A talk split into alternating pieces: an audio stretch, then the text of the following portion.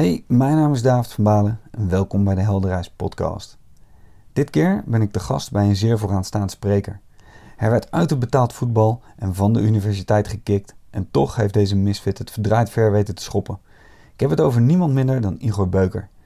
Ik kwam via de Eindbazen podcast in contact met Igor en toen hij me via de mail vertelde dat het onderwijs zijn true north is, heb ik meteen mijn kans gegrepen om deze ondernemer en professioneel heilige huisjes omvertrapper aan de tand te gaan voelen. Ja, zeker ook over het onderwijs. Zijn doelen? Het onderwijs verbeteren en kennis delen om zo gelijke kansen voor iedereen te creëren. Dankjewel Igor voor je tijd en beste luisteraar, geniet van het vette gesprek tussen deze twee misfits.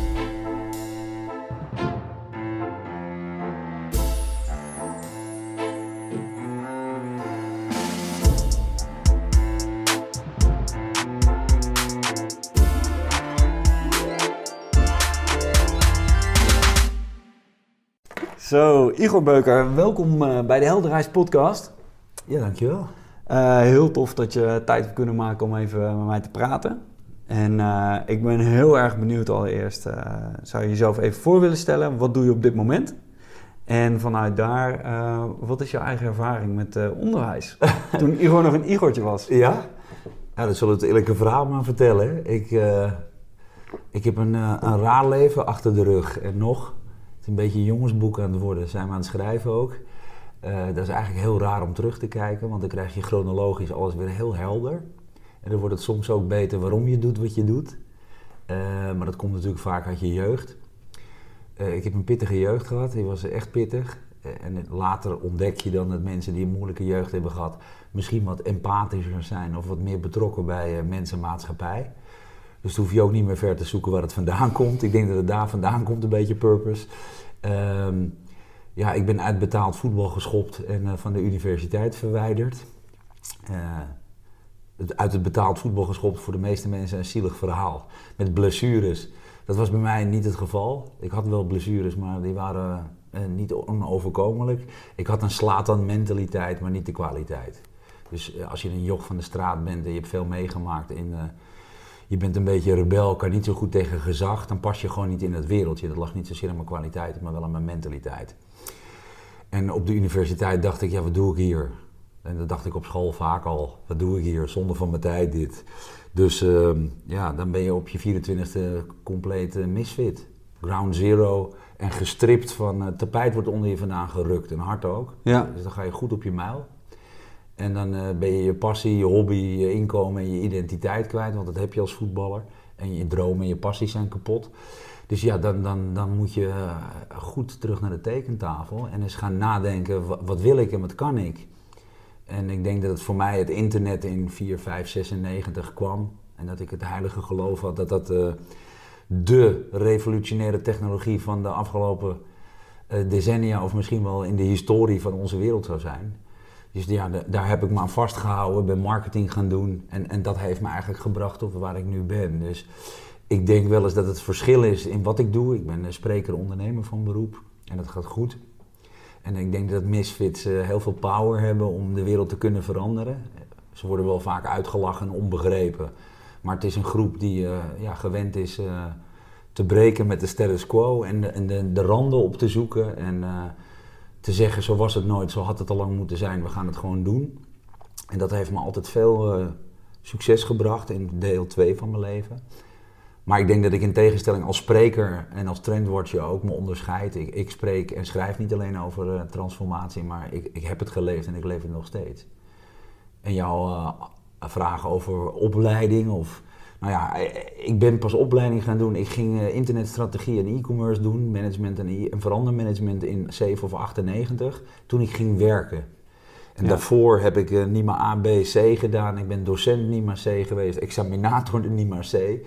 Dus ik kwam met verschrikkelijk goede marketingpapieren terug in de tweede helft van mijn leven. En kon in de praktijk eigenlijk weinig tot niks. Hmm. En ik moest heel veel de P van plaats van Kotler ging het eh, over, had ik geleerd. Maar het internet zat niet in mijn opleiding. Net als nu heel veel opleidingen uh, de vierde industriële revolutie nog nooit behandeld hebben. Uh, ik zie altijd één handje in de zaal als ik zeg: jongens, wie heeft die vierde industriële revolutie gestudeerd? Nou, dat is er dan één. Ja. Dus die is klaar voor de toekomst. Maar ik heb heel veel moeten afleren en ontleren en opnieuw moeten leren. Dus educatie is voor mij belangrijk. Het geeft een hele goede basis, ook een bepaald niveau. Maar in de nieuwe wereld is, is wat je vandaag weet morgen alweer verouderd. Dus je, ja, je zult uh, moeten accepteren dat de enige constante verandering is. En in mijn vak bijvoorbeeld, uh, nog steeds, zie ik heel veel madmen. Mensen die nog steeds op de oude manier het doen zoals ze het geleerd hebben. In een, en oude modellen toepassen op de 21ste eeuw. Ja, dat gaat gewoon niet werken. Ja. Nieuwsvlees. We zitten in de 21ste Ja. eeuw en, en, en het moet anders en heel anders. En ik zie dat het heel veel problemen geeft. eh, ook bij mensen die dat eh, wel graag willen, maar nooit geleerd hebben. Dus ik ben heel erg fan van educatie. Vooral ook omdat het gelijke kansen geeft aan iedereen. Hè. Als ik naar continenten als Afrika of eh, Azië kijk. Als die mensen straks internetverbinding hebben en toegang krijgen tot alle content en informatie die gratis beschikbaar is.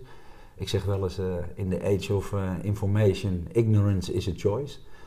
Eh, je- Mooi, je, kunt, ja. ja. je kunt alles weten nu. En, Ja. eh, en, en ik denk dat dat soort landen en die mensen aansluiting gaan vinden bij eh, de nieuwe wereld. Gretig zijn, heel erg gedreven om te leren. Ja, en, en daarom denk ik dat educatie zo ontzettend belangrijk is. Of het Ja. nou Mandela is of Malala, ze hebben het allemaal over educatie en verandering en de nieuwe wereld en het recht op opleiding. Ja. Dus ik eh, zie straks eh, ja, mooie veranderingen in de wereld komen. En technologie kan daar heel mooi bij faciliteren. Ja. Ja, mooi. Daar wil ik eh, zo even een, een mooie stap naartoe maken. Maar eerst even, als je het goed vindt, terug naar het punt. Je bent eh 24. Ja. Je mag geen profvoetballer meer zijn. Nee. Dan komt het eigenlijk op neer. Ja, je bent eruit. Hoe, hoe, ga je om, hoe, hoe ben je omgegaan met die tegenslag? Poeh, heel moeilijk. Ja, dat is ook heel Want, moeilijk. want het was voor mij een tweede kans. Ja. En, en ik kwam eigenlijk al vanuit min 100 uit de goot. En eh, heb altijd gehoord in mijn jeugd, je kunt niks, je bent niks en, en noem maar op. En, en, en dat heeft dan meer te maken met, de nou ja goed, haat naar je vader die dan op jou geprojecteerd wordt als kind. Waardoor je eigenlijk ook heel lang niet durft te ontwikkelen. Dus ik denk dat vooropleiding, eh, opvoeding heel erg belangrijk is. En we hebben het ook wel eens over de trias politica, opvoeding, opleiding en bedrijfsleven. Maar die is ook wel echt nodig. Want Ja. ik denk dat je, en, en ja, voor mij was dat een enorm zwart gat. En eh, eh, kennismaking met de criminaliteit en, en, en het eigenlijk niet echt meer zien zitten. Want ik bedoel, als je je tweede kans krijgt en die mislukt dan zo verschrikkelijk. Precies. Dan sta je wel eigenlijk, dan denk je bij jezelf, ja, ko- komt er nu nog een kans en hoe dan? Ja. Dus, dus, maar goed, de motivatie is natuurlijk ook. eh, ik heb uit mijn topsport wel een aantal dingen meegenomen. En dat is een, eh, een killermentaliteit. Als ik ook spreker wil worden, wil ik op een niveau Gary Vee, Tony Robbins of dat soort mensen opereren. Ja. En me- mensen lachen me dan uit en dat vind ik prima. Maar als je de lat niet op olympisch niveau legt, ja, dan word je nummer 128 in de Nederlandse markt. Precies. Ja, de- de- de- dat mag ook. Maar ik geloof meer in moonshot. Ja. En, eh, en dat betekent dus ook dat het een ja, mindset is. Ik geloof dat het heel veel mindset is. Ja. En ik heb heel veel profijt gehad. En dat zeg ik altijd tegen jonge mensen en mensen om me heen. En die, die geloven dat niet altijd. Want die zeggen, ja maar opa, jij bent toch uit het tijdperk van Jurassic Park. Wat weet jij nou? Mijn grote successen komen met name door sensei's en mentoren. Ja. Ik heb altijd mensen om me heen kunnen verzamelen. Eh, in het verleden een Amerikaan, Michael Moon, een stratege en een, eh, een spreker. Die heb ik net zo lang aan zijn hoofd gezeurd. Totdat ik zei, Michael wil je me helpen? En toen zei hij, nou ja oké, maar kop houden en luisteren. Ja. Dan gaan we het op mijn manier doen. En in de volgende stap in mijn leven, toen ik mijn bedrijven verkocht aan eh, WPP Groep M, was dat met name ook, ik bedoel, het is succes, het is geld, het is bewijs, het is track record. Je kunt laten zien dat je je visie eh, kunt eh, verzilveren en dat je niet maar een een of andere zwevend gek joch bent. En dat vond ik belangrijk, want als je jong bent en je hebt een visie, wordt er vaak gezegd door de oude garde. Ja, maar gast, wie ben jij nou? Je bent nog maar een knulletje, geen grijze haren. Kijk, nu ben ik kaal en heb ik een ba- grijze baard. dat helpt. Nu is senioriteit is, is makkelijk af te dwingen. Ja, ja, maar dat was hij toen niet. Nee. En ik dacht, als ik een paar exits kan maken, dan kan ik ook laten zien, I walk the talk. En, ehm, maar die sens, sensei's hebben me heel erg geholpen. Dat is een beetje het principe uit de, uit de vechtsport. Hè? De Ja. sensei, die, die, dan zeg je oes sensei. En je houdt je kop en je doet wat hij zegt. Precies. En dat was Martin Sorrell voor mij. In, in reclame en marketing heb ik heel veel geleerd. Zo Martin Sorrell was voor mij, eh, dat was ook mijn onderhandeling in de deal. Ik zeg, maar jij gaat me een aantal dingen helpen en leren. Want ik, ik wil alles weten wat jij weet. Ja. Die man heeft voor eh, 20 miljoen aan eh, marketingkennis en insight in zijn hoofd. Nou, als je die eruit mag vissen, Ja. En de laatste is een beetje Richard Branson aan het worden. Ik ben een paar keer bij hem geweest op uh, conferenties en was al groot fan.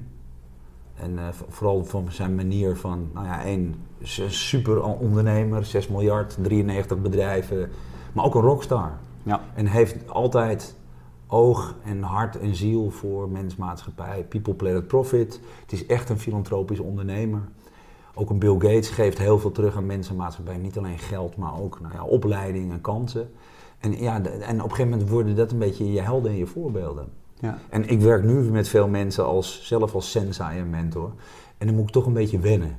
Want die zeggen rustig, uh, wat jongere mensen, ja, maar dat was toen. En uh, in jouw tijd is het nu toch anders. En uh, ik zeg, nou dan moet je de ramen openzetten en dan hopen dat het naar binnen waait. Ik bedoel, Ja, want ze willen ook eh, eh, zes maanden per jaar werken, wel CEO worden, maar ondertussen vier maanden surfen op Bali.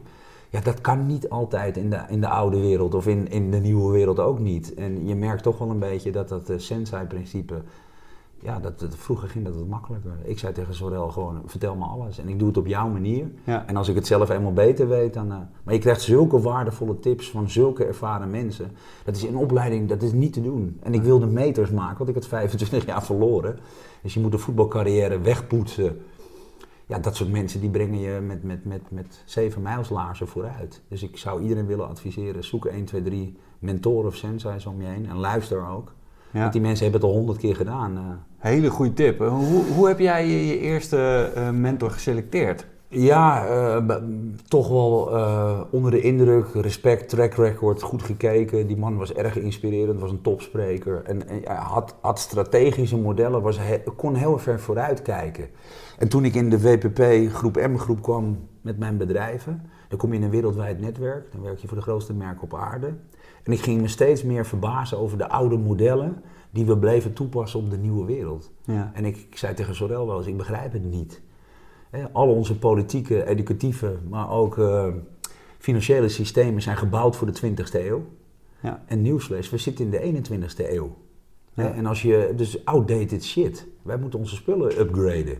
En dat geldt ook voor educatie. Als je op Windows 3.0 of iOS 3.0 draait, dan draai je je apps niet meer. Dan is het platform is verouderd en dan connect je niet meer en dan gaat het mis. En, en dat bedoel ik met korte termijn, beursgenoteerd, drie maanden, opleidingen moeten vier jaar duren, want het mag niet veranderen. Politiek is gemaakt op vier jaar populisme.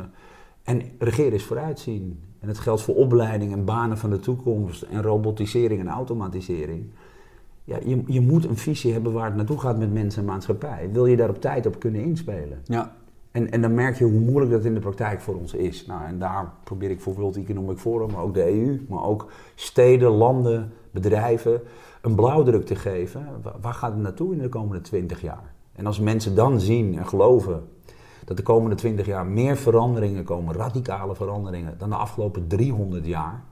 En je snapt dat we na een eerste, tweede, derde industriële revolutie nu midden in een vierde zitten die die eerste drie industriële revoluties plus het internet degradeert tot de warming-up. Ja. Nu zijn we begonnen en nu krijgen we exponentiële technologieën en onze lineaire mindset kunnen dat niet meer bijhouden. Dus het gat wordt ook steeds groter. Ja. Wij, wij, je ziet nieuwe spelers in de markt komen. Dat bestaat helemaal niet in onze historie en onze wetenschap. Er komen nieuwe spelers binnenwaaien uit je dode hoek. Altijd outsiders of outliers. Die hebben er geen bal verstand van. En die nemen binnen tien jaar halve industrieën over. De tv en de uitgeverswereld liep te slapen. Het waait wel over.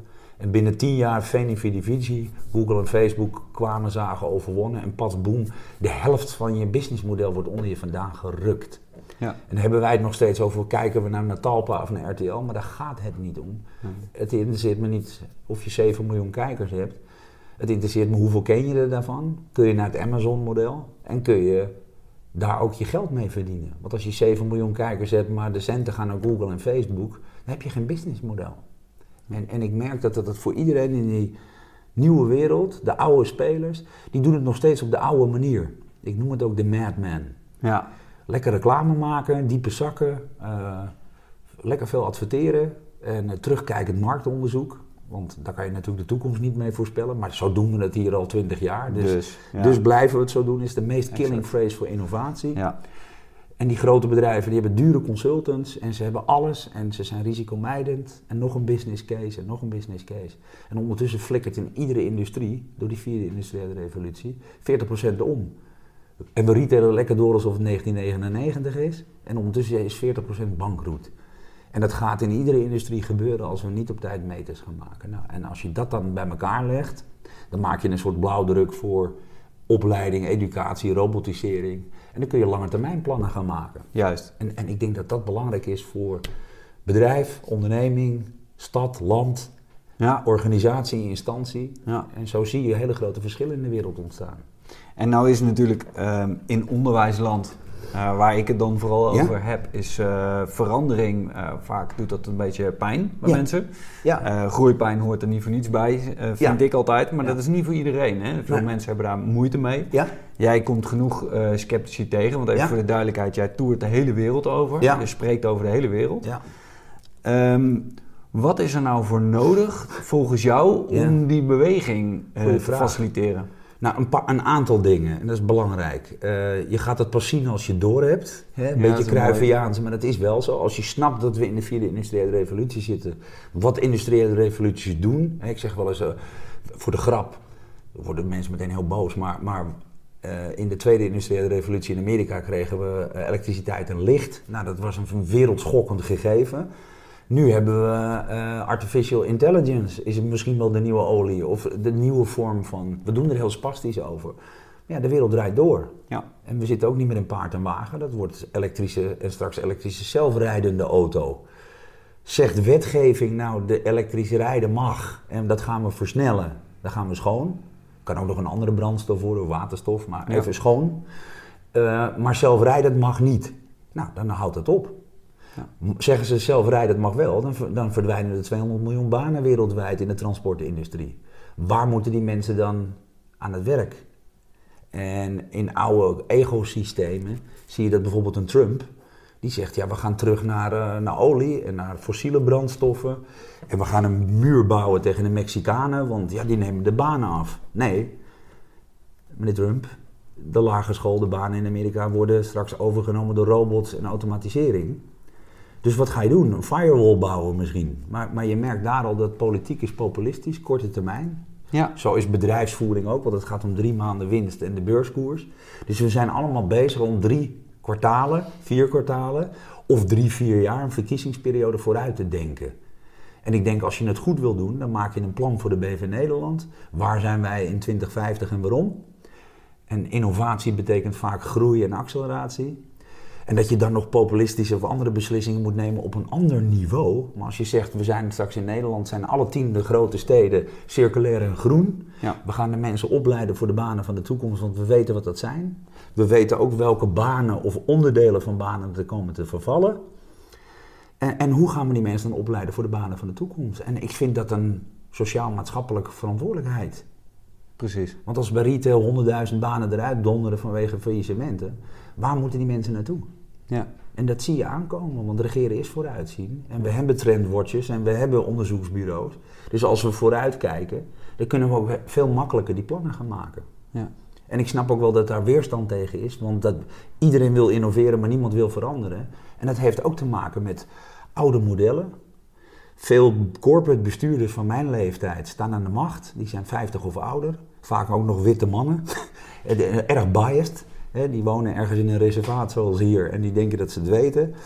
Eh, judgmental, niet echt een open mindset, een hiërarchische cultuur. Ja. Jonge mensen worden niet empowered, maar eh, die worden klein, Klein stilgehouden. ja. En ik zeg wel eens, elk bedrijf of instantie of organisatie nu heeft digital leadership en cyberpunks nodig. Aan de top, maar ook door de hele organisatie.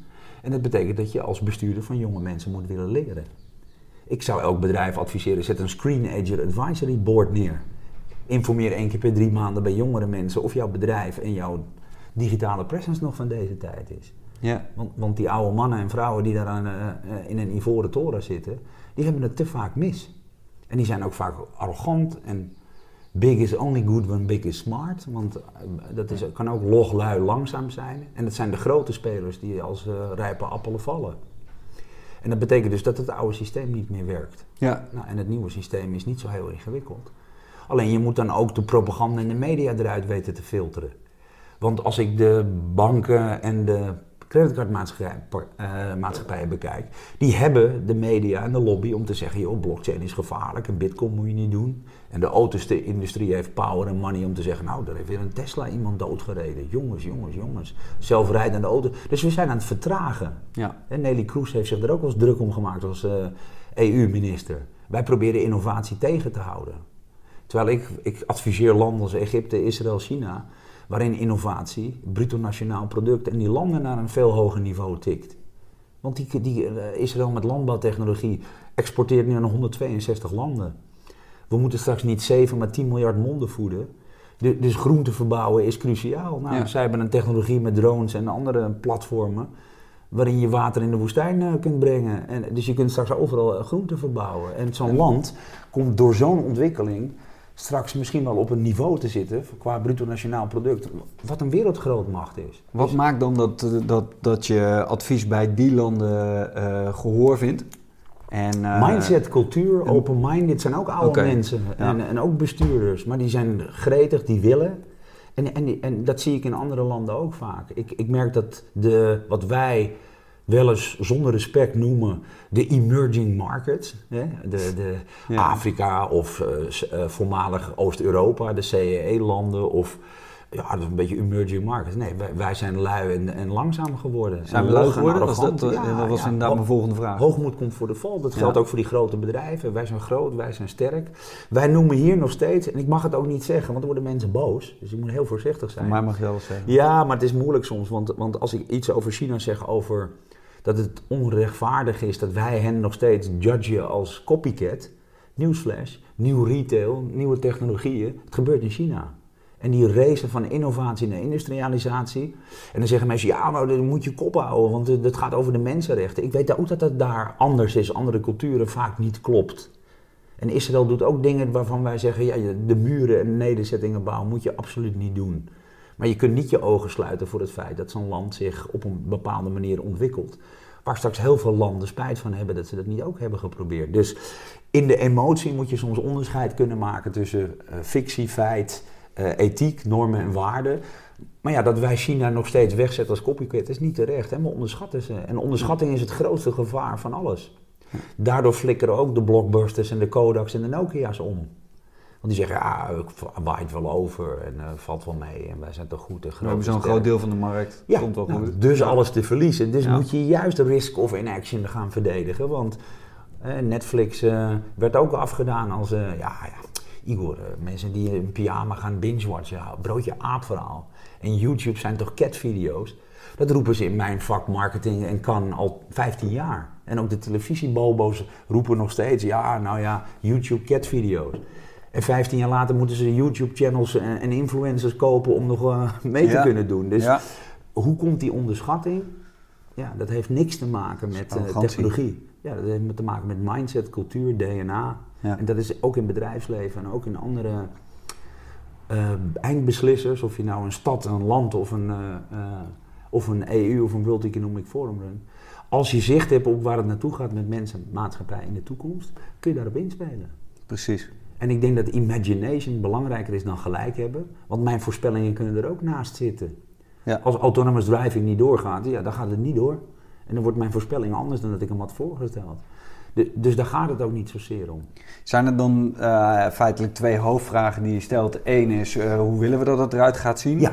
En eh, twee is, wat voor burgermaatschappij wil je daarin hebben? Nou, ik denk heel belangrijk, if you can see the future, you can create it. En het begint met imagination. Ja. En ik, ik schrijf voor veel Hollywood-films. En dan worden we keihard uitgelachen. En, en weet je waarom we er altijd naast zitten met onze denktanks? Trendwatchers, futuristen. eh, wij zitten te ver. We, in- nog we- worden ingehaald door Ja. de tijd. En dan kan iemand altijd lachen. Zeggen, ja, vliegende auto's zijn er ook nog steeds niet. Let maar op, over een paar jaar heten dat drones. En dan, eh, dan, dan vliegen we hier over het wegennet. En dan zeggen we, wat zijn al die grijze stroken hier eigenlijk? Ja, daar reden vroeger de auto's. Serieus? Oh. Maar we twintig jaar geleden hebben we er nog een strook bijgebouwd Ja, om de file te voorkomen. Tuurlijk. Maar we zijn ook bezig met donocodiciel, terwijl we nu organen kunnen 3D printen. Dus we, we lopen heel vaak achter op de scooters. Ze moeten van het fietspad af in Amsterdam. Maar we zijn vergeten dat de elektrische fietsen er al zijn en die gaan harder dan een scooter. Dus Regeren is vooruitzien, kan alleen maar als je weet waar het naartoe gaat. Ja. En dan kun je beleid maken. Dus momenteel is het te reactief. Veel te reactief. Ja, Ik bedoel, kijk naar de Zuckerberg-hering. Wij, wij, wij gaan het inbraakalarm installeren als er acht keer is ingebroken. ja, precies. Wetgeving is toch eh, regeren vooruitzien. Ja. En die kunnen toch ook zorgen dat... Het draait allemaal maar om één ding de komende twintig jaar. Ethiek, moraal, ethics, wetgeving. Want we moeten technologie wel in de juiste handen zien te krijgen. En dan kunnen we de wereld een mooie, schone plek maken. Climate change veranderen. Educatie en opleiding voor iedereen. Gelijke kansen. We kunnen enge en rare ziektes genezen. Maar dan moeten we technologie wel in de juiste handen geven. Tech for good mindset. Ja, Ja. heel erg belangrijk. Sociale innovaties, social enterprises. We, we zijn nu bezig, ik ben net terug van Necker Island. Met deze groep mensen kunnen we, die noemen het 30 keer 30. Die willen 30% van de oceanen preserveren eh, en, en voor 2030. Dus dat betekent dat je gewoon stukken zee als een landreservaat gaat afzetten, zodat als er ooit iets gebeurt, dat je de zeeën nog kunt redden. Want wij denken allemaal, nou het komt wel goed, hè? we noemen het een hoax of een hype. Ja, Want het is commercieel niet zo interessant. De banken willen ook niet dat blockchain komt, want dat is, dat, dat is niet afgesproken met hun businessmodel. Dus gaan we vertragen. En ik denk dat we juist met technologie kunnen versnellen. Nu meer dan ooit. En ik denk, eh, zo'n Greta Thunberg, die steken wij in de fik. Het was een meisje wat nu 17 is, misschien wat mediatraining nodig heeft. Maar die wijst ook World Economic Forum en bestuurders op onze verantwoordelijkheid. En ik wil zo ook de maatschappij en de planeet niet doorgeven aan mijn kinderen en kleinkinderen. precies. En we hebben de technologie om het om te draaien. Dus dat moeten we ook gewoon gaan doen. Want dat, dat heet verantwoordelijkheid Ja. nemen. En, we kunnen niet zeggen, we hebben het niet geweten. Die hebben we al een keer gebruikt. Dus laten we nu maar gewoon zorgen dat, Ja, we, dat, dat we omdraaien wat we, wat we verpest hebben. Ja. ik denk ook dat we dat verplicht zijn. Ja, absoluut. Eh, voor de duidelijkheid, hè? je noemde Necker Island. Ja, Ehm, ik weet, nou ja, niet geheel toevallig, maar ik weet wat het is. Eh, voor de luisteraar die eh, zich bezighoudt met educatie en onderwijs. Wat, wat is Necker Island en waarom is het zo belangrijk dat daar gesproken wordt over dit soort dingen? Nou, het, het, het is het Private Island van Richard Branson. Precies, Een, eh, ja. een rockstar ondernemer die, die nou ja, de Virgin Group en alles steeds maar weer dingen bedenkt vanuit passie en frustratie. Maar ook altijd een soort filantropisch entrepreneur is geweest die, die terug wil geven aan mensen en maatschappij. En ehm Necker Island is een soort hub geworden waar mensen bij elkaar komen, wereldleiders, maar, maar soms ook eh, experts of scientists, maar ook artiesten en entertainers die, die het goed voor hebben met artificial intelligence voor een betere wereld. Dit keer was het Ocean Cleanup. Hij verzamelt mensen om zich heen met, met power, netwerk, daadkracht. En die mensen die kunnen in zo'n netwerk ook dingen gedaan krijgen. We hebben met die Ocean Action Summit een, een blauwdruk van een aantal. Palau is een regio waar, waar dit zo'n eh, preservering al is gemaakt in de oceaan. En wij gaan gewoon met die business case landen en eilanden af. En zeggen, jongens, dit kunnen we voor jullie bieden. We hebben de, de power, netwerk, de mensen, de community om dit te backen. Dat betekent toekomstig dat je land of eiland weer groen, schoon wordt, goed toerisme kan doen en dat je meehelpt aan, het, aan de greater good. En er zijn heel veel partijen die er heel blij mee zijn. Dus dit soort groepen en onder leiding van dit soort mensen, die kunnen ook echt het verschil maken. Dit is ook geen vergadercultuur, dit is gewoon doen. Ja, exact. Put your money where your mouth is. Ja, en, mooi. En, en er komen mensen bij elkaar en die, en die gaan ook niet zitten wachten en vergaderen. En die gaan het gewoon doen. Ja, En, en dan zie je hoe aanstekelijk dat werkt. Er hoeft er maar één domino-steen te vallen, zeg ik. De misfits, de gekkies. En, en die nemen allemaal een netwerk mee- van misfits mee die ook weer willen. En dan krijg je army of many. Want om nou te gaan zitten wachten en te wijzen naar de politiek, ik heb er niet zo'n zin in. Ik heb er nee. ook geen tijd meer voor. Ik heb een World Economic Forum tien jaar geroepen, jongens, educatie moet anders. Mijn zoon is 18 en die leert nog steeds Frans en Duits verplicht op school. Het gaat dus niet veranderen. Dan gaan we het van onderuit zelf doen. Ja, Wachten jullie nog even? Ja. Maar dan krijg je natuurlijk te maken met wetgeving en, en accreditaties en andere. Zo kunnen we natuurlijk heel veel dingen tegenhouden. Dan zeggen we, ja, dat mag niet. Dat bepalen we zelf wel. precies. Ja, mooi. Maar op een gegeven Ja. moment krijg je natuurlijk eh, ja, nou ja, systeem, collaborative ecosystemen, geen ecosystemen meer. Die zeggen, nou ja, goed, maar ik laat me ook niet meer tegenhouden. Ik Precies. weet wat de banen van de toekomst zijn. Ik verdien die opleiding, ik ga het zelf doen. Ja, En, en ik vind dat mensen daar recht op hebben. kennis is beschikbaar. Eh, zeker weten. Ja. En daar moeten we wel gebruik van willen maken. En niet afhankelijk zijn van wat oude bestuurders of hun lobby wel of niet interessant vinden voor, voor, voor zichzelf. Precies. En ik heb het als eh, ondernemer ook gehad met jonge mensen die, die, die heel anders kijken. Ja, dan moet je gewoon, eh, your ego is not always your amigo. En als mensen goede ideeën hebben, ja, het beste idee is bos. En het is een cultuur. Mooie uitspraak. Ja, maar ik merk Ja. ook in HR en grote bedrijven. Ja, maar jij bent maar de junior brand manager. En dan wordt er met zo'n hiërarchische top-down KLM vier strepen purser op mijn jas. Joh, hou je kop man. Ja. Ga- eh, het is gewoon een goed idee. Ja. En, en ik voelde me ook wel eens uit mijn comfortzone. Want ik was de, de houten methode met Nima C. En dan komt er een snotneusje vertellen dat je het allemaal verkeerd doet. Ja, dan moet je wel even slikken. Ja. Nou en? Ja, precies. En ondernemen is niet hiërarchisch je plekje verdedigen. Dat, dat is willen groeien. En, en dat geldt vaak, vind ik, voor misfitsende ondernemers. Die, die ook de status quo willen doorbreken, omdat het gewoon beter en anders kan. Ja, En ik denk dat al die nieuwe spelers die we nu zien, die hebben, die hebben dat- dat stukje mentaliteit. Zo was het nooit, zo had het al lang kunnen zijn. En we gaan het gewoon doen. En het is een sociologische revolutie en geen technologische. Het gaat om mensen en Precies. maatschappij. En Ja. dat merk je in de opleiding natuurlijk ook. Waarom moeten wij nog Frans leren? Dat was in de tijd van Napoleon. En de Duitse economie is interessant voor Europa, maar niet meer dan dat. Mogen mijn kinderen op school alsjeblieft ook eh, eh, Chinees en Spaans leren als ze op een handelsschool zitten? ja, En niet omdat de opleiding heeft gezegd, ja, maar dat, dat klopt nu niet. Maar, maar daar zijn we zelf ook wel een beetje debet aan, want we wijzen graag. Ik heb lang gewerkt met uh, uh, Boris de Hond, ja, die altijd ver vooruit is. En daardoor ook wel eens wordt afgeschreven als uh, ja, gek of uh, onbegrepen, zoals veel misfits. Maar zijn iPad-school, zoals hij oneerbiedig werd genoemd, de Steve Jobs school, ging niet om een iPad. Het ging om een nieuw modulair leersysteem. ja, Als jij een taalachterstand hebt, dan moet je niet vier jaar in groep 2 blijven zitten omdat je taal niet goed is. Want als je een wiskundeknobbel hebt, dan moet je wiskunde in groep 141 en in talen in groep 2. Precies. Maar niet iemand tegenhouden omdat hij één zwak vak heeft. Dat is, dat is, dat is het tegenovergestelde. Je moet stimuleren en beter maken wat er is. Ja, in plaats van demotiveren. Juist. Ja, absoluut. Ja, goed. Volledig mee eens. Ehm, vanuit daar, eh, heel mooi gezegd overigens. Ehm, je had het over eh, straks dan eh, verliezen 100.000 mensen Ja. eventueel in de retail een baan. Ja. Dat is iets waar we in het huidige opleidingssysteem niks aan kunnen doen of kunnen veranderen. Die kunnen we nu niet met terugwerkende kracht Nee. klaarmaken voor die verandering. Maar voor de mensen die nu gaan komen, Ja. wat zijn nou, want ik heb hier met eh, Paul Smit onder Ja. andere ook over gesproken, maar wat zijn nou volgens in, in jouw optiek de skills, de vaardigheden die we de toekomstige leerling slash student Ja. moeten gaan leren, zodat ze wel klaar zijn en responsief klaar zijn in plaats van dat het een reactief soortje wordt zoals nu. Nou ja, ik denk een paar dingen. En dan gaat het weer om het grote plaatje willen zien. Ja. Want als je weet waar het naartoe gaat, wordt het niet zo ingewikkeld. Precies. Als je weet wat er gaat verdwijnen als autonomous driving komt en we raken in mobility een paar honderd miljoen banen kwijt. Ja, de- dan moet de Uber-chauffeur ook nieuw werk hebben. En ook eh, de, de, de, de, de trucker. Ja, Dus, dus wat voor opleidingen kunnen we die mensen nou geven om ze een baan te geven voor de toekomst? precies. Als je nu nog automonteur aan het afstuderen bent, dan ben je over vijf jaar wel echt klaar. Want dan- dan zijn er geen eh, mechanische auto's meer.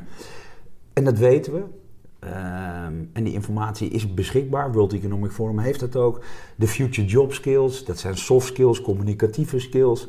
Eigenlijk, de hele relatie tussen mens en automatisering en robot gaat heel erg veranderen. Ja, Dat betekent dat de delen van banen gaan verdwijnen. Namelijk een stukjes onderzoek, ik ook. Mijn, mijn onderzoeksteam is tegenwoordig eh, algoritme en AI. Die kunnen dat beter dan, dan mijn onderzoeksteam. Ja. Dus, dus van een onderzoeker raakt een deel onderzoek weg. Dat gaat naar automatisering. Er gaan ook hele banen verdwijnen. Blue collar, white collar, heb ik voorspeld dat over 20 jaar 30% van alle banen die of repetitief of routinematig zijn, of de werkzaamheden, die worden vervangen. En dat kan ook heel handig zijn, want waarom zouden wij dat onderzoek doen als een robot dat goedkoper en beter kan? Krijg je geen rugklachten, laat de robot lekker het zware tilwerk doen of het optelwerk. En dan kunnen wij ons gaan richten op, op slimme dingen. Nou, die skills en die, en die zijn bekend, de banen voor de toekomst zijn ook bekend. Alleen dan moet je dat wel geloven en willen implementeren. ja. En als er gezegd wordt, ja, nou dat moet ik allemaal eerst nog maar eens zien, nou ja, dan ben je dan ben je te laat. Nou, maar dat gebeurt er steeds. Ja, Wij gaan wetgeving maken met technologie steeds als het te laat is. ja, Terwijl we eigenlijk weten, vierde industriële revolutie, dat betekent deze 20 technologieën. Wordt IoT en artificial intelligence groot? Ja, nou dan gaan daar dus banen in ontstaan. Moet je dus ook mensen gaan opleiden. Maar die gaan ook die technologieën, banen en werkzaamheden wegnemen. Welke zijn dat? En welke beroepsgroepen komen onder druk? En hoe moeten we die nu gaan opleiden voor de banen in de toekomst? ja. Nou, en dat is niet zo heel ingewikkeld. Want dan weet je de banen, de skills van de toekomst. Je weet welke banen gaan verdwijnen. Dan weet je toch ook de opleiding voor de toekomst. Dus, dus zo ontzettend ingewikkeld is het ook weer niet. Alleen je moet het wel willen geloven. Ja. En als ik zeg dat als 3D-printing in 2040 echt, echt groot wordt en ook in de thuisprintenmarkt groot is, omdat we die dingen kunnen eh, betalen, Ja. dan gaat heel veel wordt straks uitgeprint en dan ga ik naar een koffieshop op de hoek, dan kom ik mijn jasje van Amazon halen Exact. of, of ik print het thuis uit. Ja. En als dat straks zover is in 2030, 2040, dan is 30, 40, 50 procent van zowel manufacturing als logistics, de DHL's en de anderen die pakketjes moeten bezorgen, dat is gehalveerd. Ja. Dus die industrieën gaan ook onder invloed van Industrie 4.0 gehalveerd raken straks. En als het nou 30% is, dan zit ik er 10% naast. Maar 30% is dan nog steeds Nog heel steeds significant. Dus, ja. dus je moet niet emmeren of het 30 of 40 of 50% wordt. Dat zien we later wel. Ja. Wordt het significant? Ja, wel degelijk. Moeten we nu wat gaan bedenken. En niet als het zover is. Ja. Du- Dus je merkt eigenlijk steeds dat, dat, nou ja, en dat als Israël het kan en als China het kan en als sommige bedrijven het kunnen, wat doen die dan anders dan wij? En dat kun je mappen. En dat kun je toepassen in soft skills en in visie, imagination. Ik zeg wel eens, als ik mijn zalen, publiek, wie het ook zijn, kunnen wereldleiders zijn, Richard Bransons of studenten op, de hoek of een ondernemer. Imagination is alles. Als je de toekomst wil, dus ik noem mezelf eens een beetje gekscherend Walt Disney van innovatie. Als ze zien waar de toekomst naartoe gaat, dan imagination zorgt ook voor inspiratie, motivatie, actie. En dat geldt ook voor mensen met banen. Maar als het laaggeschoolde personeel en werkers in Amerika niet weten dat het de banen zijn die verdwijnen door robots en automatisering, maar ze denken door de media dat het de Mexicanen zijn, dan gaan mensen ook nog eens een keer stemmen. We, we informeren ze ook nog eens verkeerd. Ja. En dat komt natuurlijk ook door media en propaganda, die een belangrijke rol spelen in vasthouden wat je wil vasthouden vanuit een ander belang. Ja, deels, maar heeft dat ook niet te maken met eh, kritisch kijken naar de informatie die hier gepresenteerd wordt? Ja, maar dan moet je A wel voor opgeleid zijn om dat onderscheid te kunnen maken. D- dat kunnen we op basisscholen, middelbare scholen al leren. Ja, maar zou zeker moeten. Maar, Ja. maar, maar, maar daar zie je natuurlijk vaak al dat, dat de docenten achterlopen op de jongeren hè, qua digitaal gebruik. Ik was 24, had ik mijn eerste internet-pc. Kansloos figuur. Dat ik over innovatie mag praten is eigenlijk onbonden. Nee, maar snap je wat ik bedoel? Ja, ja, ja. De volgende generaties die kunnen op zes maanden oud een iPad bedienen. Ja, En, en de generatie na ons nu, die, de Gen Alpha's, de, de, de, de van 0 tot 6, die moet je uitleggen dat ze niet uit de App Store komen. ja. Die denken dat ze gedownload zijn. ja, ja, maar eh, zo snel gaat het. Maar echt, ja. En ik maak wel eens voorspellingen over 2040, 2050 en dan gaan mensen heel hard lachen. Maar dat is net zo lang geleden als 1990, toen we, toen we nog cd's en dvd's en andere dingen hadden. Precies. Het, het, het, het gaat veel sneller dan we Een denken. minidisc. Dus het lijkt dan allemaal broodje aap verhaal naar de toekomst toe. Nee, het gaat heel snel. Ja, ja inderdaad. En, en, en voor een jonge generatie vaak ook heel logisch. Alleen die moeten weer andere dingen leren.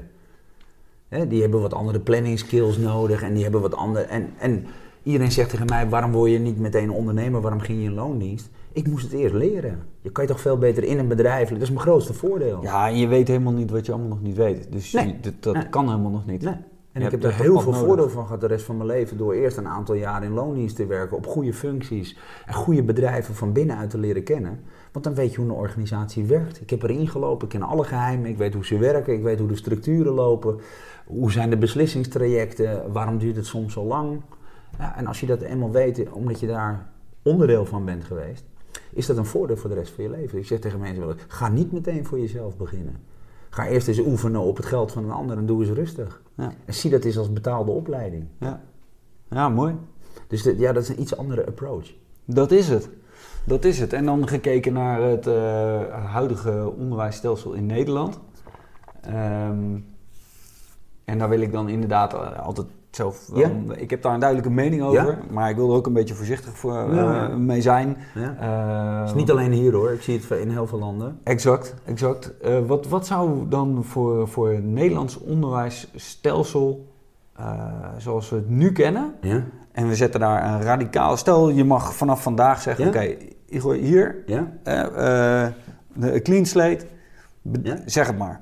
Zo gaan we het doen, zo gaan we het opbouwen. Gaan we het dan modulair opbouwen? Gaan we het eh, branchegericht opbouwen? Gaan we het toekomstgericht responsief eh, opbouwen? Ja? Wat is, wat is dan volgens jou de manier? Want jij hebt daar een duidelijke visie op. Ja, ik zie maar één over. manier. Wat, wat is het? Nou, eh, je bent nooit uitgeleerd. En, Mooi. En, en de opleiding die we hebben is een basis, en een goede basis. Als het een goede basis is. Bij mij was het geen goede basis. Ik ben blij met de basis van het traditionele marketingvak en dat ik die basis ken en snap en begrijp en kan toepassen. Maar ik had graag in mijn opleiding meer geleerd over de toekomst. Ja. En over het internet en over technologie en over science en over hoe marketing eigenlijk in de praktijk nu werkt. Uh, en ik denk dat als je weet waar je naartoe gaat als land, en als land als onderdeel van Europa en de wereldeconomie, en welke rol wil je daarin spelen, dus visie, Nederland 2050. Kijk, het is niet zo heel ingewikkeld. Uh, ik zeg wel eens, als je hier de steden bekijkt, Amsterdam, Rotterdam, Den Haag, Utrecht, en de grote steden, die willen eigenlijk allemaal het liefst op het model van Singapore en Kopenhagen gaan draaien. Die cases zijn er al, die kan je gewoon kopiëren. En dat duurt 20, 30 jaar voordat we slimme, circulaire, CO2-positieve steden hebben. Maar dat willen we allemaal. Rechts, links, groen, rood. Uh, welke politieke voorkeur je ook hebt. Iedereen wil graag in een, een slimmere, betere stad wonen die prettig is om te wonen, te leven en te werken. Groener is, schoner is. En die goed is voor het milieu en onze kinderen in de toekomst. Ja. Dat kun je gewoon gaan doen. Ja. Die blauwdruklichten, dat kun je gaan bouwen. Nou, en als je weet waar je naartoe gaat naar 2050, dan kun je alle beslissingen daaronder lokaal, regionaal, kun je op politiek niveau op basis van een democratie nemen. Maar je wijkt daar niet meer af van je koers 2050. Wie er nou ook verkozen wordt, of welke burgemeester er, een gemeenteraad er ook komt, je hebt een koers. Op die koers weet je welke rol Nederland gaat spelen binnen de Europese en de wereldeconomie. Net als Israël weet, wij gaan in landbouwtechnologie en andere dingen uitblinken. Nou, ik denk dat wij met het huidige klimaat-watermanagement hebben we nog wel wat. Want als we, maar, maar waar willen wij over 20, 30 jaar staan. Juist. En waar zijn we goed in? En hoe gaan we mensen opleiden? En, en dat worden de opleidingen van de toekomst. Even rekening houden met via de industriële revolutie. Welke banen gaan er verdwijnen? En welke banen willen we gaan opleiden? En waar moeten wij goed in worden? Precies, want daar, daar wilde ik, ja, ik ben er meteen wat over op aan het schrijven. Ja. Ehm, veel mensen identificeren zich met datgene wat ze doen. Ja. Ja. Met, met hun baan. Ja. Maar het kan best wel zijn dat de banen van de toekomst uh, banen zijn waarbij uh, mensen steeds meer uh, ingezet worden voor de sociale verbinding. Ja. Omdat heel veel Ja. andere dingen door AI en Ja. robotisering worden vervangen. Die skills hebben wij ook als mensen. En ik, ik denk dat de Singularity University wel eens de fout maakt door te plat te communiceren.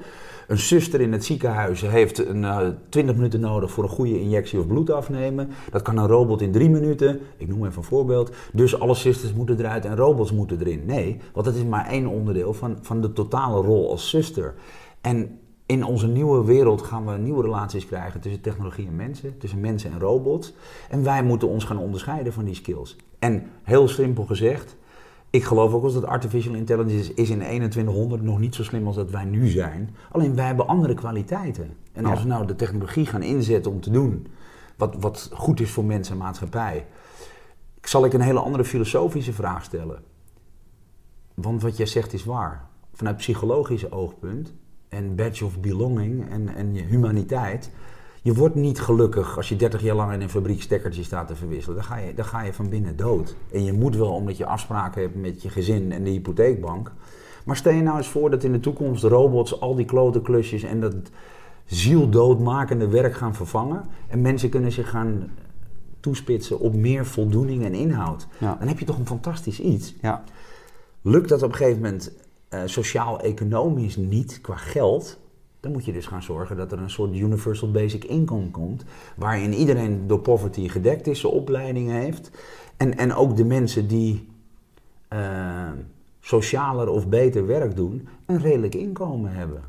En, de- en dus, dus mijn vraag is veel meer, kunnen we robots niet veel beter gaan inzetten om het juist leuker en beter te maken? Exact. Zodat mensen meer voldoening en inhoud krijgen in hun werk, meer passie en plezier.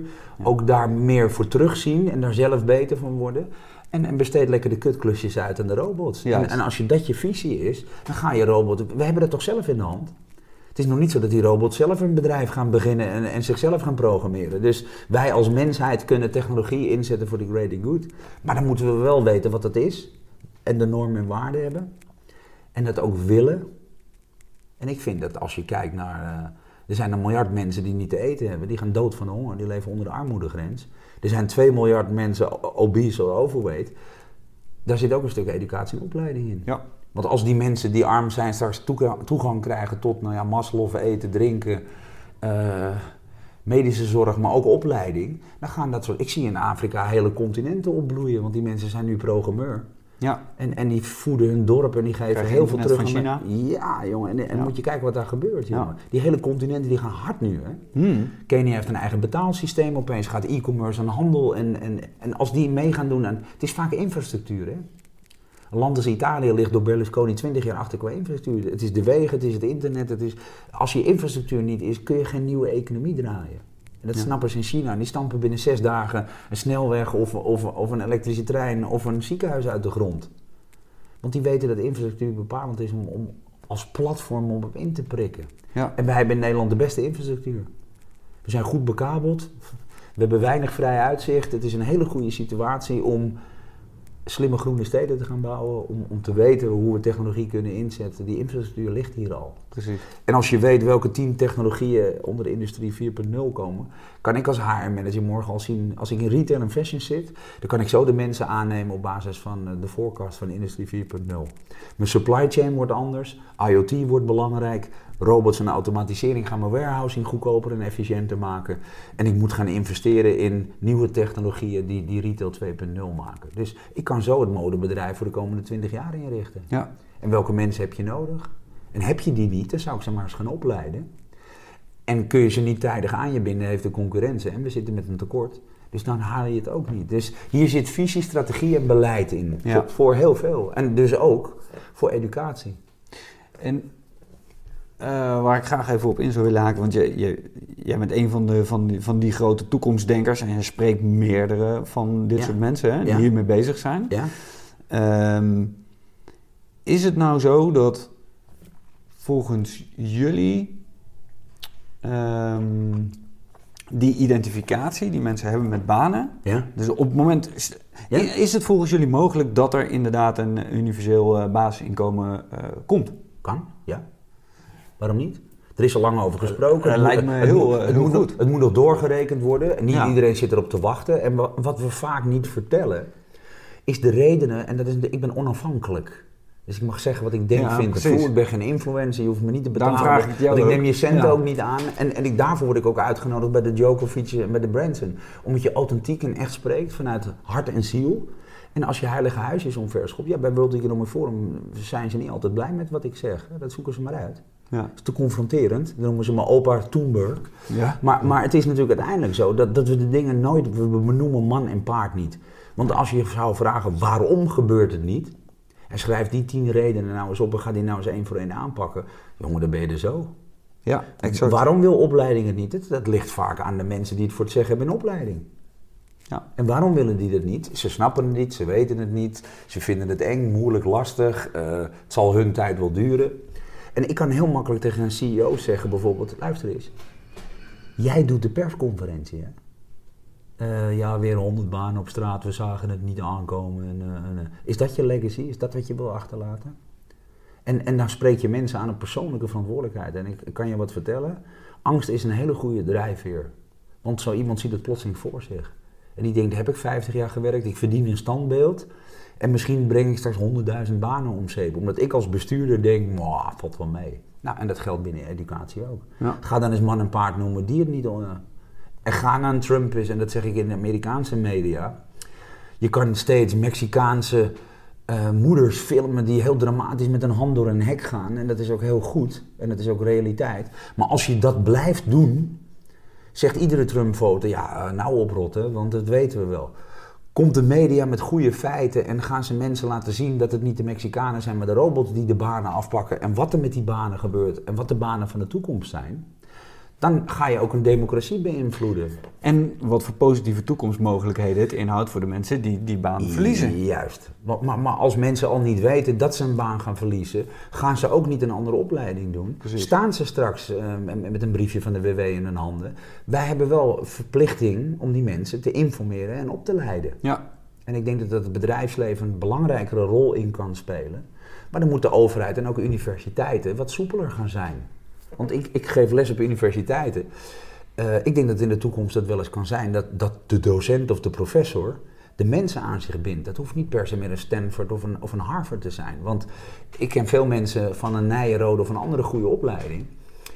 Maar het zegt niet altijd dat je voor de toekomst klaar bent. Nee. En dat je voor de toekomst klaar zult blijven. Want als de enige constante verandering is de komende 20 jaar, is wat je hebt geleerd, boeit niet. Sterker nog, we moeten heel veel afleren, ontleren en opnieuw leren. En dat is heel moeilijk. En ik ben nooit uitgeleerd. Want in mijn vak verandert het elke dag weer. Ja. Dus, dus als ik denk dat ik met een opleiding van 20 jaar geleden voor de komende 20 jaar houdbaar ben, nee hoor. Flikker de zure melk maar weg. Want ik ben niet houdbaar. Nee. En als dat niet je instelling is en ook niet aan mensen duidelijk wordt gemaakt, dat, dat het een, een ever-going proces is van progressie en zelfeducatie en, en leren en self-improvement. Ja. Want ik denk dat daar niet alleen happiness in zit. Als je straks de robots je werk doen en je zit de hele dag een beetje eh, te hangen, dan worden mensen ook niet gelukkig van. Dus die mensen moeten wel zingeving hebben en invulling. Precies, zingeving. Ja, en dat hoeft niet alleen in werk te zijn, want wat is dan werk? Maar dat kan best zijn dat je dat in vrijwilligerswerk of ander werk doet, waarin je eervol iets terug doet voor mensen en maatschappij. Of kunst, of sport, ja, of en, en doe wat je eh, leuk vindt. Festivalorganisatie, En, ja. ja, En ik snap wel dat we allemaal de huur moeten betalen, moeten eten. Dus het, het- het- er zal ook nagedacht moeten worden over eh, als mensen vervangen worden door automatisering. Hoe gaan we daarmee om? En die kunnen ook niet allemaal een uitkering hebben en we willen ze graag aan het werk houden. Dus Ja, nou ja, dat, dat, dat is dan inderdaad de vraag. Hè. Wil je dat eh, als je een eh, bepaald basisinkomen eh, kan genereren Ja. als, al- nou ja, als maatschappij, laat ik het zo maar even noemen. Wil je dan dat mensen, nee, dat kan helemaal niet meer. Die kunnen niet meer op de traditionele manier aan het werk blijven. Maar op het moment dat jij vakken als bijvoorbeeld zingeving krijgt op school Ja. en je gaat leren van nou, wat zijn nou mijn kernwaarden, wat is mijn ethisch kompas, welke kant wil ik op, nou, dan pas kan je gaan kijken en wat Ja. wil ik bijdragen vanuit mezelf aan de wereld. ja. Maar dat is wat jij ook doet. En Ja, maar ik is voor jou probeer- verandering ik- niet zo... Nee, maar ik probeer eigenlijk al met jeugd te praten, omdat ik vind dat in, in opvoeding wordt het vaak niet meegegeven. Of het oude stempel. Ik heb ook van eh, oude generaties gehoord, ga maar bij het spoor, want dan zit je 40 jaar, of bij de KPN en dan krijg je een goed pensioen. Dus maar van wie hadden die mensen het ook moeten leren? Nou ja, maar goed, die hebben het zo geleerd. Precies. Maar, maar die leren het vaak aan een volgende generatie op een manier die niet altijd even toepasbaar is voor. Exact. Eh, en, en van de geschiedenis kun je leren. En ook een plan B hebben kun je leren. Maar ik denk dat het heel belangrijk is, is, is dat je kijkt naar de toekomst. En dat je weet waar het naartoe gaat. En als je weet waar het naartoe gaat, ho- hoeven we niet steeds meer te speculeren. Ja, En, en de, de, de teambanen van de toekomst zijn bekend, de skills van de toekomst zijn bekend. We weten precies dat als we deze en deze technologie morgen goedkeuren, wat de impact is op, op de economie en op banen. En dan denk ik dat, dat scholen veel beter moeten samenwerken met het bedrijfsleven. Of het bedrijfsleven meer initiatief moet nemen. Maar ook in opvoeding moet het al beginnen. Dus die drie stukken heb je wel nodig om mensen compleet daar doorheen te helpen. En als je dan af bent en in de maatschappij komt en doen, gaat doen wat je gaat doen, ja, dan ben je niet klaar. Dan Nee. begint het eigenlijk pas. precies. Hè? En, en dat is denk ik ook iets wat we mensen. De kennis die je nu hebt opgedaan in dit tijdperk, is niet meer voor eh, garantie dat je over twintig jaar het allemaal nog steeds veel goed weet. Nee. Maar Nee, dat, ja, dat- duidelijk. En, en dat zit denk ik ook in een stukje het vormen van mensen en cultuur. En niet zozeer in opleiding. Want als je alles uit Ja. een boekje en theorie kunt doen, wat doe je dan in de praktijk als je soft skills nodig hebt?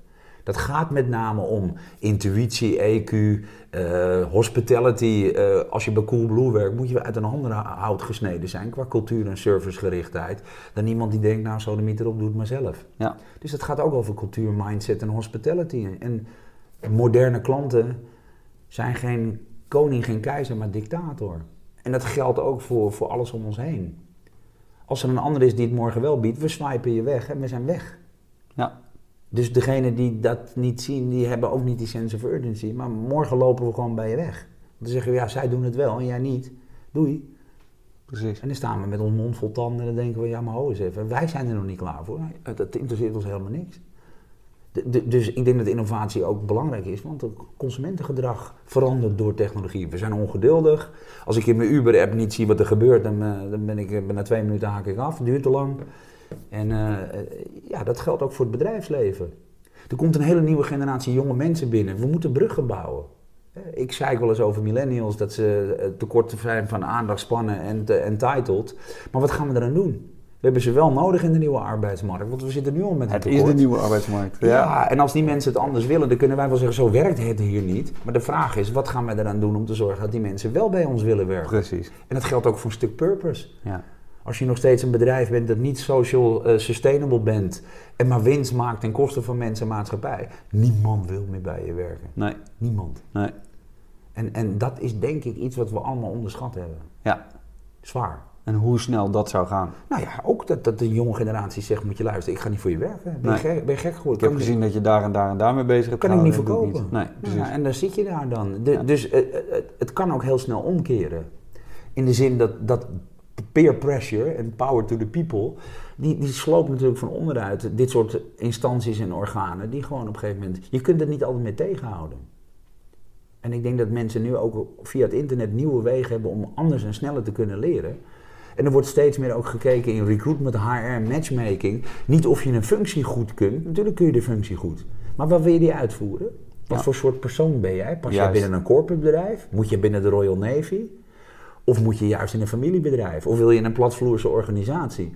Dus we doen al honderd jaar matchmaking op functie en vacature. Maar het gaat mij er toch vooral om of je bij de cultuur van mijn bedrijf past. En dat je de vacature goed kunt uitvoeren, ja logisch. Ja, Maar dat is niet meer de basis van je cv, je opleiding en wat je, en wat je functie is. Want waar ga je die functie doen? precies. Ja, mooi. Dus het is een hele andere kijk ook op matchmaking. Ja. Ja, de, de- ja inderdaad. Eh, ik had echt even een hele... Ja, ja, een, ja, een kronkel die... eh, ik had een eh, discussie, of een discussie, een gesprek eh, eh, vorige week met iemand.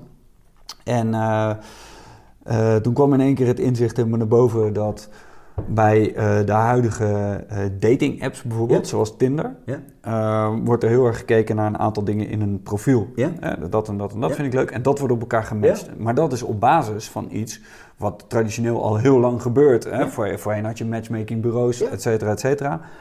Maar is het niet eigenlijk zo, en dat is mijn visie, ik ben benieuwd wat jij ervan vindt, eh, dat, er dan, dat je veel beter kan gaan kijken, ja, maar wat, voor, wat is een relatie voor jou? Ja. En, en wat verwacht je daar dan van? En dat je dan gaat kijken op basis daarvan, die Ja. visies, dat je Ja. dat naast elkaar Ja, gaat leggen. Is dat niet veel meer sustainable dan, eh, oh, ik eh, vind Nou jou een heel aantrekkelijk Kan, iemand? het, het, ja, het kan, het kan heel biased zijn. Want als ik meer van hetzelfde krijg, is soms het gevaar dat je in, in- bubbeltje. ja, in een kokon raakt. En, en niet meer frisse ideeën krijgt of geprikkeld wordt of nog meer biased raakt. Eh, daar kunnen we in, in media twee dingen aan doen. Ik vraag me af waar de uitgevers blijven en de onafhankelijke nieuwspartijen. Als ik een bericht op internet zie, wil ik twee knoppen. Een bias. Ik wil namelijk zien of het nieuws Ja. gekleurd is of niet en wat de andere partij zegt. Ja. Want ik ben wel slim genoeg om op te maken, om te zien wa- wat. wa- eh, ik snap wel dat ieder kamp voor zijn eigen praatje. Eh, of eh, praatje voor eigen straatje houdt. En ik wil op een knop drukken een fake. Om te zien of het, wat het nieuws tot me neemt. Dat is onze verantwoordelijkheid. dat zijn mooie, twee mooie knoppen, Ja, maar, ja, maar dat zou natuurlijk dat zou niet zo heel moeilijk zijn. Want we, we weten wat er kan met technologie. We hebben het Facebook en het Cambridge-schandaal gehad. We hebben het over lager opgeleide mensen. Maar ook ik, hoog opgeleid met mijn onderzoeksteam, weet het soms niet. Nee. Ik moet vier keer, vijf keer, zes keer checken of het niet toch fake nieuws is. En het wordt tegenwoordig heel gluiperig met bots en trollen. Dat doen tegenwoordig de politieke partijen ook aan mee. Ja. En dan roepen we, ja, maar weet je wat, eh, eh, wat we op Twitter zeggen over... eh, dus, dus dan gaan we ons afschuiven, ja, maar hij doet het ook. Ja. Want Wilders doet na tegen Pechtold op Twitter, dus dan gaan wij maar trollen. Ja, Ja. eh, eh, De rolmodellen, anno nu, zijn ziek. En ik denk dat dat heel belangrijk is. Want als wij rolmodellen geven aan mensen hoe we met elkaar om willen gaan, wordt dat dan een heel groot verschil. En het matchmaking principe wat jij noemt, ik, ben- ik zit in een travel startup, die hebben we zelf bedacht. Dat is een totaal nieuw matchmaking principe. Ik hoef eigenlijk alleen maar de plekken te krijgen van de mensen die ik ken en vertrouw en die met mij matchen. Want dan hoef ik nooit meer naar een travel site om te horen, wat heb ik nou aan reviews van andere mensen. Precies. Eh, Dat, zo deden we het vroeger. Eerst Ja, kreeg je ja, ja. duizend hotels en nu krijg je de twintig met reviews. Maar ik ken die mensen met die reviews niet. Nee, je weet Als niet iemand zegt, ja, luide muziek en, en brutale bediening, dat kan wel een oud wijf zijn die, die er niks aan vindt. En ik kan het geweldig vinden. Dus als ik matchmaking krijg en ik wil naar Londen of naar eh, Nicaragua en ik zie daar van vijf vrienden daar en daar en daar geweest en die matchen met mij, dan kan ik bijna blind boeken. Ja. Dus het zijn hele nieuwe systemen. Matchmaking in recruitment en dating en HR gaat veel meer op cultuur en passie en, en andere softe waarden. Dan ben jij geschikt voor deze vacature. Juist. Want dan gaat het dus om de vacature en om het bruto bedrag per maand en je voorwaarden. En dan wil ik na een half jaar weg bij je, want ik wil je nog niet doodgevonden worden. Dat is nou precies de verkeerde manier van korte termijn. Ja. Maar die levert veel geld op voor iedereen. Nog wel? De- de- ja, maar, maar het gekke is, als je bedrijf bent, zou je toch op een hele andere manier recruitment willen doen. En als je bedrijf bent, wil je toch heel graag ook met mensen die hetzelfde gedachtegoed hebben als jij. Want dan worden die relaties veel langduriger. Ja, en dat zie je gelukkig ook al ontstaan hè, bij veel bedrijven. Nou ja, Nou, veel, bij een ja, aantal bedrijven. Maar langzaam. Langzaam. En, ja. en omdat we eigenlijk altijd, ik zeg, ik kom uit een retailfamilie. Ik zeg, als je nou toch vandaag de dag op de wereld zou komen en je wil retail gaan beginnen, dan ga je toch hopelijk met een frisse blik kijken naar hoe je retailplan voor de komende tien jaar eruit ziet. Maar wij blijven maar prakken wat we kennen in de nieuwe wereld. Het moet weer met winkels beginnen. Zegt wie staat waar? Je gaat toch ook niet als je nu een mobiliteitsbedrijf van de toekomst gaat bedenken, eerst met een stinknol en een paard en wagen over straat en dan eens over tien jaar kijken naar een stinkende dieselauto. En, nee, je begint met nu. Wat zijn de mogelijkheden nu? Precies. En de komende 20 jaar. Ja. En dan zet je iets heel anders neer dan dat je vanuit het oude blijft denken. ja, Nou, en dat zijn fris, fris, friskijkers en mensen met een visie naar de toekomst. mooi. Ja, ik, hoop, Ja. ik hoop ook dat we daar in opleiding snel... Want het gaat natuurlijk om heel veel dingen. Als je benoemt wat de tien dingen zijn die niet gebeuren... kun je, mensen ook, kun je ook tegen de minister van Onderwijs gaan zeggen... luister eens, we, we komen dit tegen. En dit is oorzaak en gevolg. En dan krijg je bijna een publiek debat. Juist. Ja, dat, maar daar En zou als we heel social- graag naartoe willen. Nou ja, maar het gekke is ook, daar zijn we ook zelf bij. Wij, ik ben zo naïef dat ik dacht, we krijgen nu als mens en maatschappij en wereld sociale platformen waar we sociale problemen mee kunnen dis- bediscussiëren. We hebben opeens eh, Twitter en, en, en noem ze op Insta en Snap. Ja, wat doen we? We trenden Justin, Kim's ass. En miljoenen volwassenen dogfilteren zichzelf. Ik denk dat we dit soort platformen ook wat beter zouden kunnen inzetten voor. En dat gebeurt gelukkig ook, want een Bojan Ja. Slat haalt 25 miljoen op om oceanen Precies. schoon te maken. Precies. Maar waarom gaan we dat nou niet voor op- opleiding inzetten? Maar dit soort trends, dat- over twintig jaar, de, de mensen van dan lachen zich toch helemaal gek van. Kijk dan die mensen met hun internet weet het 1.0, niet. Misschien- wat die allemaal deden. Misschien huilen we ons wel kapot.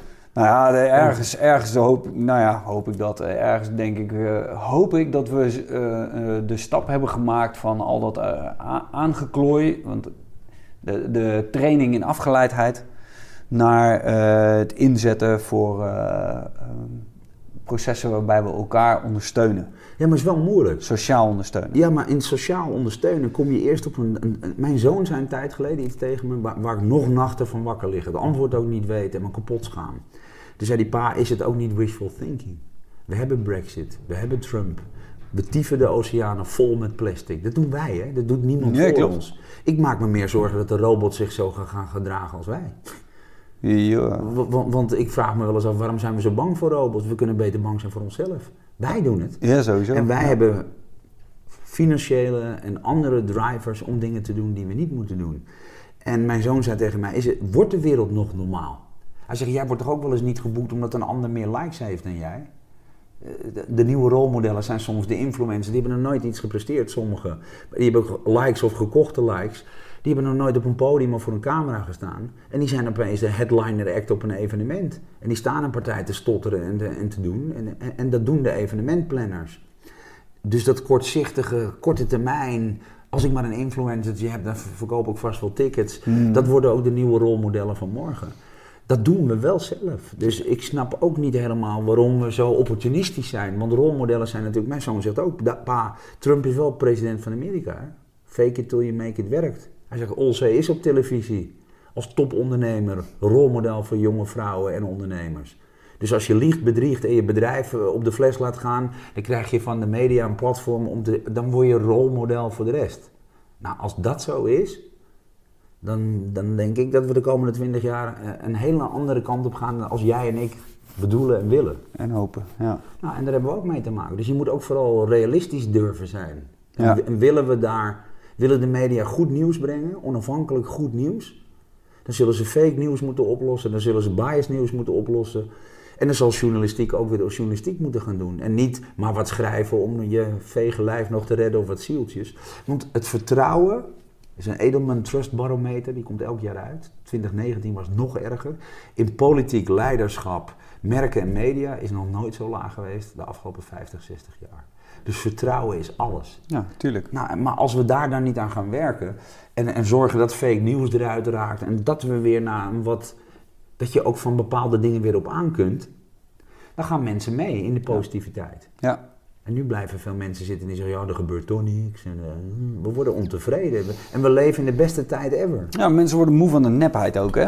Nou, weet ik niet. Want aan de andere kant faciliteren we die nepheid. Snap je wat ik bedoel? Ja, ja, ja. We ja, faciliteren niet. wat We willen liever een influencer dan, iemand, dan een expert die er verstand van heeft. Want die heeft drie volgers minder. Ja, dan zijn we knettergek.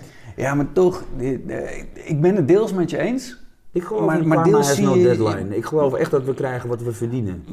Nou ja, ja, ja wie Want weet. we doen het zelf.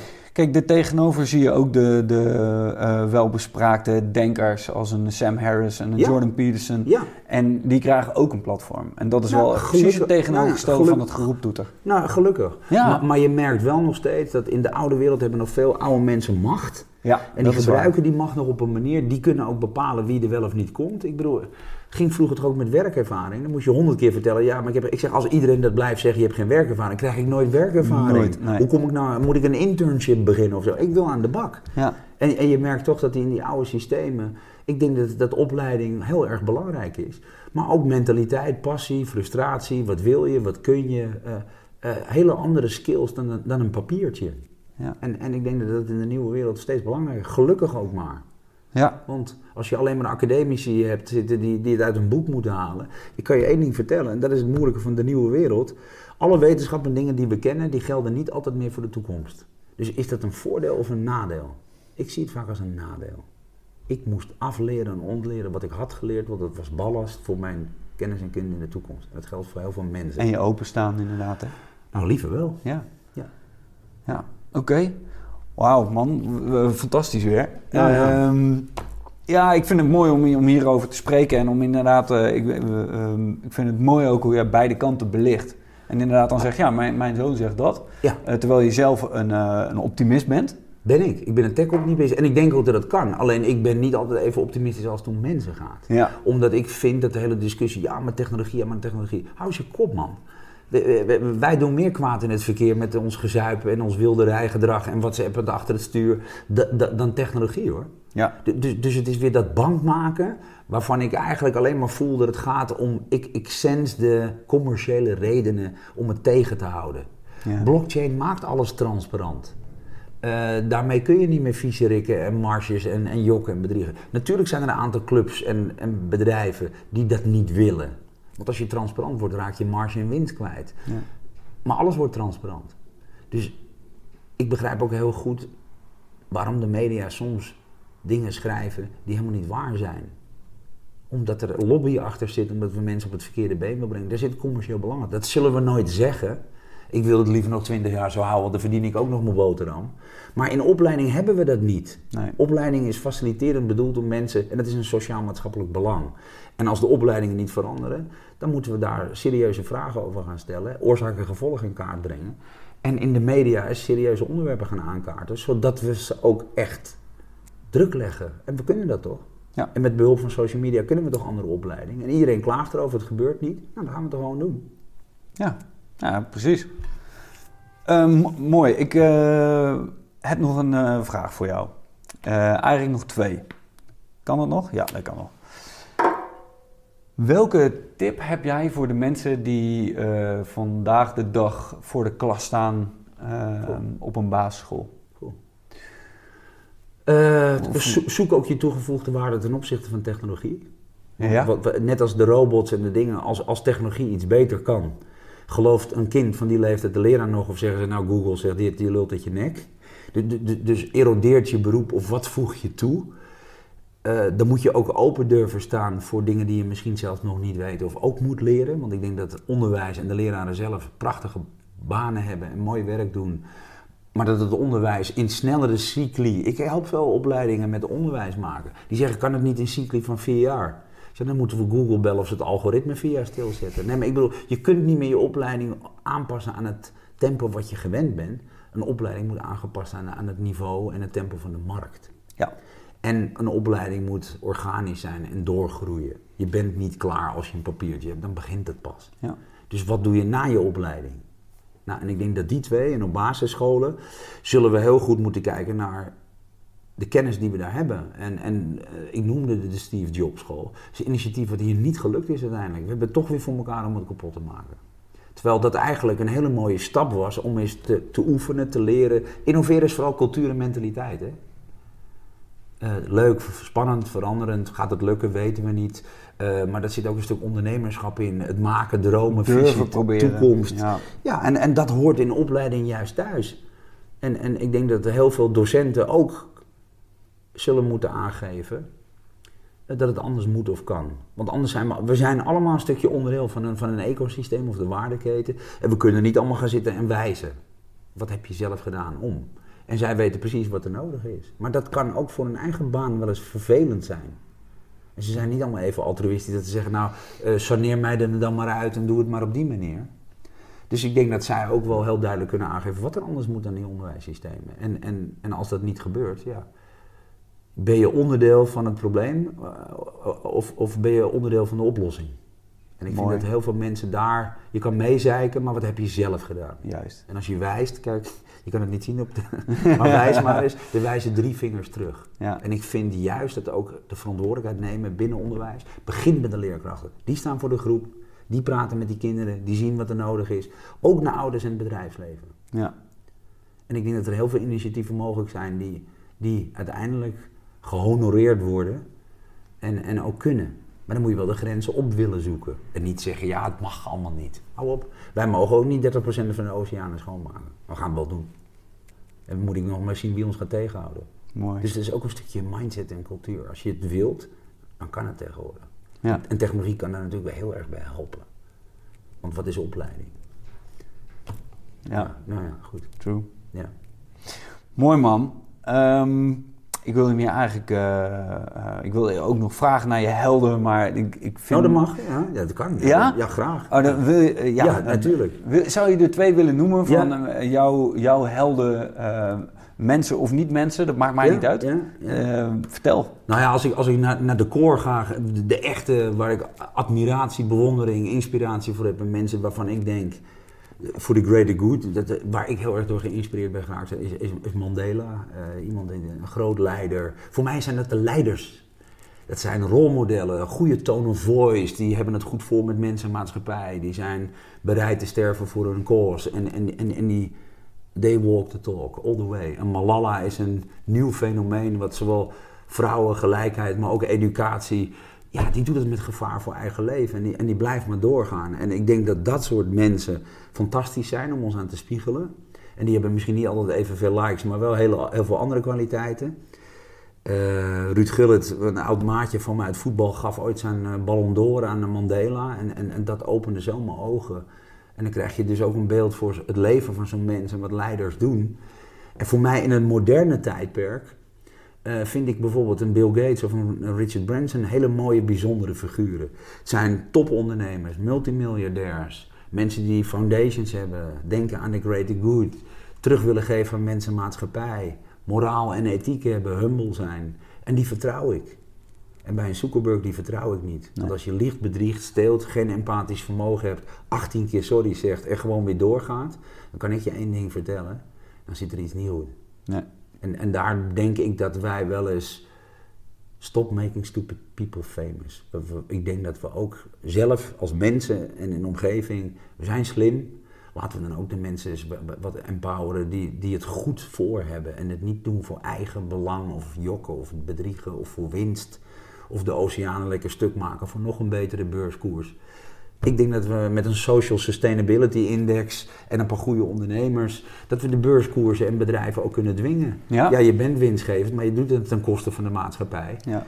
Je, je bent een vies modebedrijf dat nog steeds te veel eh, water gebruikt en, en, en de maatschappij en het milieu vervuilt. We kopen je niet meer. Ga eerst maar schoon. En zo leg je heel snel de druk op. En dat bedoel ik met de power to the people. Maar dan moeten we het wel gaan doen. Ja. En daar zijn we zelf wel bij. En wijze heeft nog nooit geholpen. Dus die tools en power hebben wij. Wij bepalen uiteindelijk veel meer dan we denken. En ik vind dat we dat moeten gaan doen. En ik vind dat dit soort zo'n Richard Branson is voor mij ook iemand. ehm, passie, frustratie, humaniteit, appetite for learning is nooit uitgeleerd. Zal dat ook altijd blijven delen. En die mensen hebben zo'n groot netwerk en vertrouwen, authenticiteit. Als die zeggen, eh, we gaan het doen, dan zeggen gewoon nog twintig topondernemers in de wereld en bedrijven. Ga, ga jij doen? Ja? Dan gaan wij mee. Ik ga mee. Ja. En het is vertrouwen en authenticiteit. En dat komt omdat dat leiders zijn. Onbaatzuchtig leiders met generosity gene. Goede mensen. En als wij nou eens eh, dat soort mensen meer gaan laten vertellen, hun visie gaan delen, kan dat jonge mensen, ondernemers inspireren. Dat, dat is educatie en opleiding. Ik denk dat daar heel veel in zit wat je op educatie en op scholen niet leert. Eh, Ja. en, en ik denk dat dat een hele belangrijk iets is voor de, voor de toekomst. En je gaf het eigenlijk al aan. Mij werd op school altijd verteld, ja, je kan geen voetballer worden, want eh, dat is geen beroep. Dus we beginnen al met je dromen stuk slaan op- voordat je begonnen bent. En kleur maar binnen de vakjes. En iedereen moet ook eenheidsworst zijn. Jongen, jongen, jongen. Ja. Lekker. Hmm. Ja. We werken eraan. ja, ik denk het ook. En ik denk juist dat we eromheen kunnen ook. Want Ja. dit soort mensen, initiatieven zijn vrij. En Ja. we kunnen het doen. En als wij de oceanen schoon willen hebben en we zeggen, nou ja, Bojan, ga doen, hier is geld. Hij gaat gewoon. Ja. Dus we hoeven ook niet meer te wachten tot er iemand in de politiek ergens een beslissing neemt over tien jaar. Dat doen we toch zelf. Ja. Nou, en in de opleiding, ook als ouders, maar ook als bedrijven, wij hebben hier een verantwoordelijkheid in en laten we die ook maar gewoon nemen. En, en dan kunnen we het onderwijs heel erg helpen. Want ik denk dat wij, wij zijn er toch bij gebaat dat we het onderwijs helpen. En dan heb ik het over wij, ouders, wij, bedrijfsleven. Wij maatschappij. Ja, Ja. Mooi man. ja. Igor, mag ik je heel erg bedanken voor dit eh, mooie gesprek. ja heel graag gedaan. En eh, wat een mooi onderwerp had je gekozen. Ja, ja heerlijk. Ja, ja we proberen ook ons steentje bij te dragen. Ja, mooi. Dankjewel man. Graag gedaan.